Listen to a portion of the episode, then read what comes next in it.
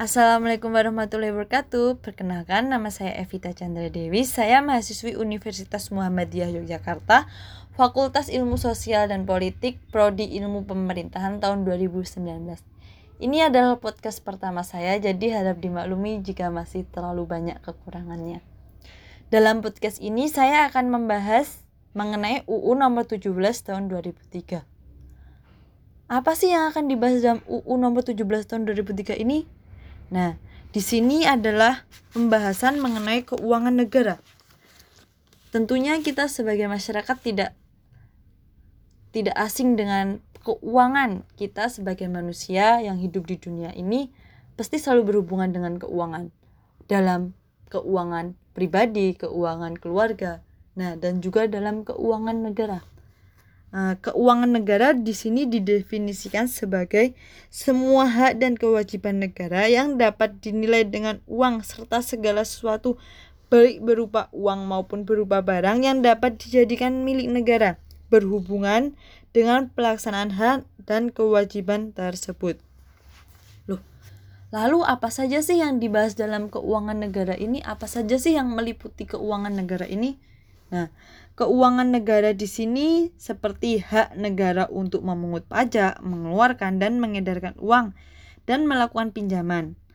Lalu, kewajiban negara untuk menyelenggarakan tugas, layanan umum, pemerintah negara, dan pembayaran tagihan pihak ketiga. Apalagi ya, penerimaan dan pengeluaran negara, penerimaan dan pengeluaran daerah juga termasuk dalam keuangan negara.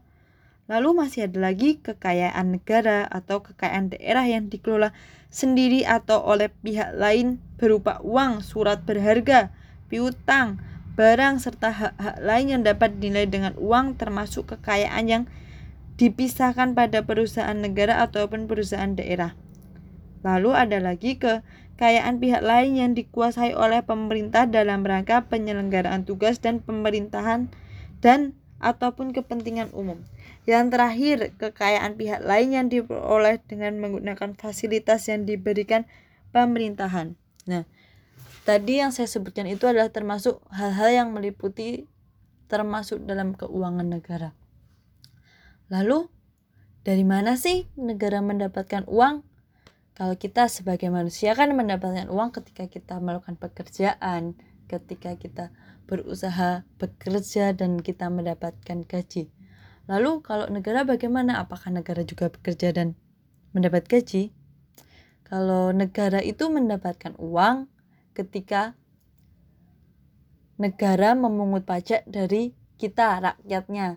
Nah, jadi kita sebagai rakyat yang tertib akan hukum dan taat akan hukum Jangan lupa membayar pajak ya agar keuangan negara kita tetap stabil, baik. Toh juga hasilnya nanti insya Allah juga keuangan negara akan kembali lagi ke kita dalam bentuk fasilitas-fasilitas umum. Lalu, apalagi sih yang berkaitan dengan keuangan negara? Nah, dalam keuangan negara ini juga berkaitan dengan APBN. Apa itu APBN?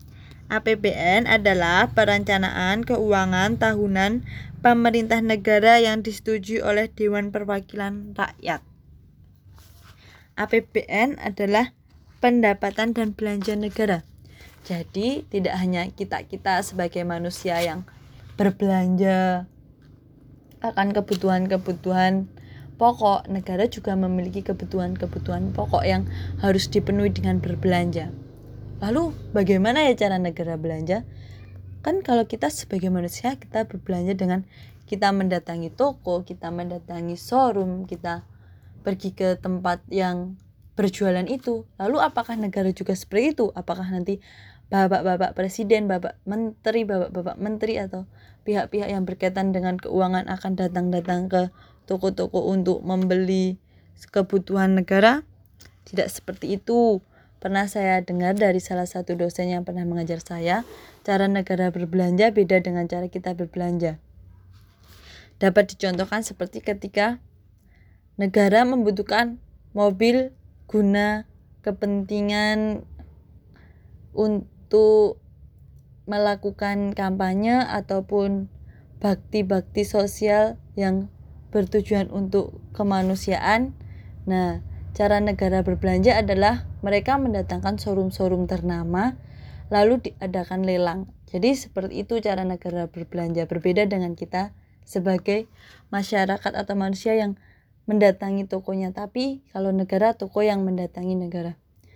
Lalu setelah itu apakah juga negara dapat belanja dengan cuma-cuma? Tidak, negara tidak dapat belanja dengan cuma-cuma karena semua itu di atas namakan kesejahteraan rakyat. Jadi sebisa mungkin negara berbelanja untuk memenuhi kebutuhan-kebutuhan untuk mensejahterakan masyarakatnya. Karena dalam penyusunan APBN pun juga terdapat beberapa syarat-syarat dan ketentuan. Jadi tidak bisa sembarangan mengajukan pembelanjaan. Lalu ada juga APBD. Apa itu APBD? APBD merupakan wujud pengelolaan keuangan daerah yang ditetapkan setiap tahunan dengan peraturan daerah yang disetujui oleh DPRD. Nah, ini adalah keputusan daerah dalam menyelenggarakan pembelanjaan tahunannya, tapi tetap dalam pemantauan dan persetujuan dari DPRD. Dalam pengelolaan keuangan pun terdapat juga asas-asas agar terwujudnya good governor, maka dalam penyusunan keuangan ada beberapa asas antara lain satu akuntabilitas berorientasi kepada hasil. Dua profesionalitas. Empat eh, tiga proporsionalitas. Empat keterbukaan dan pengelolaan keuangan negara yang kelima, pemeriksaan keuangan oleh badan pemeriksaan yang bebas dan mandiri. Nah, di Indonesia sendiri ini ada Badan Pemeriksa Keuangan Republik Indonesia yang bertugas memeriksa keuangan negara Indonesia. Nah, dalam prosesnya pun ada beberapa kekuasaan atas pengolahan keuangan negara. Di sini presiden selaku kepala pemerintah memegang kekuasaan pengolahan keuangan negara sebagai bagian dari kekuasaan pemerintahan. Presiden juga dibantu oleh beberapa menteri seperti Menteri Keuangan sebagai pembantu presiden dalam bidang keuangan yang hakikatnya adalah Chief Financial Officer atau CFO pemerintah Republik Indonesia. Sementara setiap menteri atau pimpinan lembaga pada hakikatnya adalah pembantu dalam pelaksanaan pemeriksaan pertanggungjawaban keuangan negara. Jadi itulah penjelasan singkat mengenai UU nomor 17 tahun 2003. Sangat singkat dan saya memohon maaf jika ada salah-salah. Di sini saya juga sedang belajar dalam proses belajar, jadi harap maklum dan Harap pembetulan arahan untuk ke depannya agar menjadi lebih baik lagi.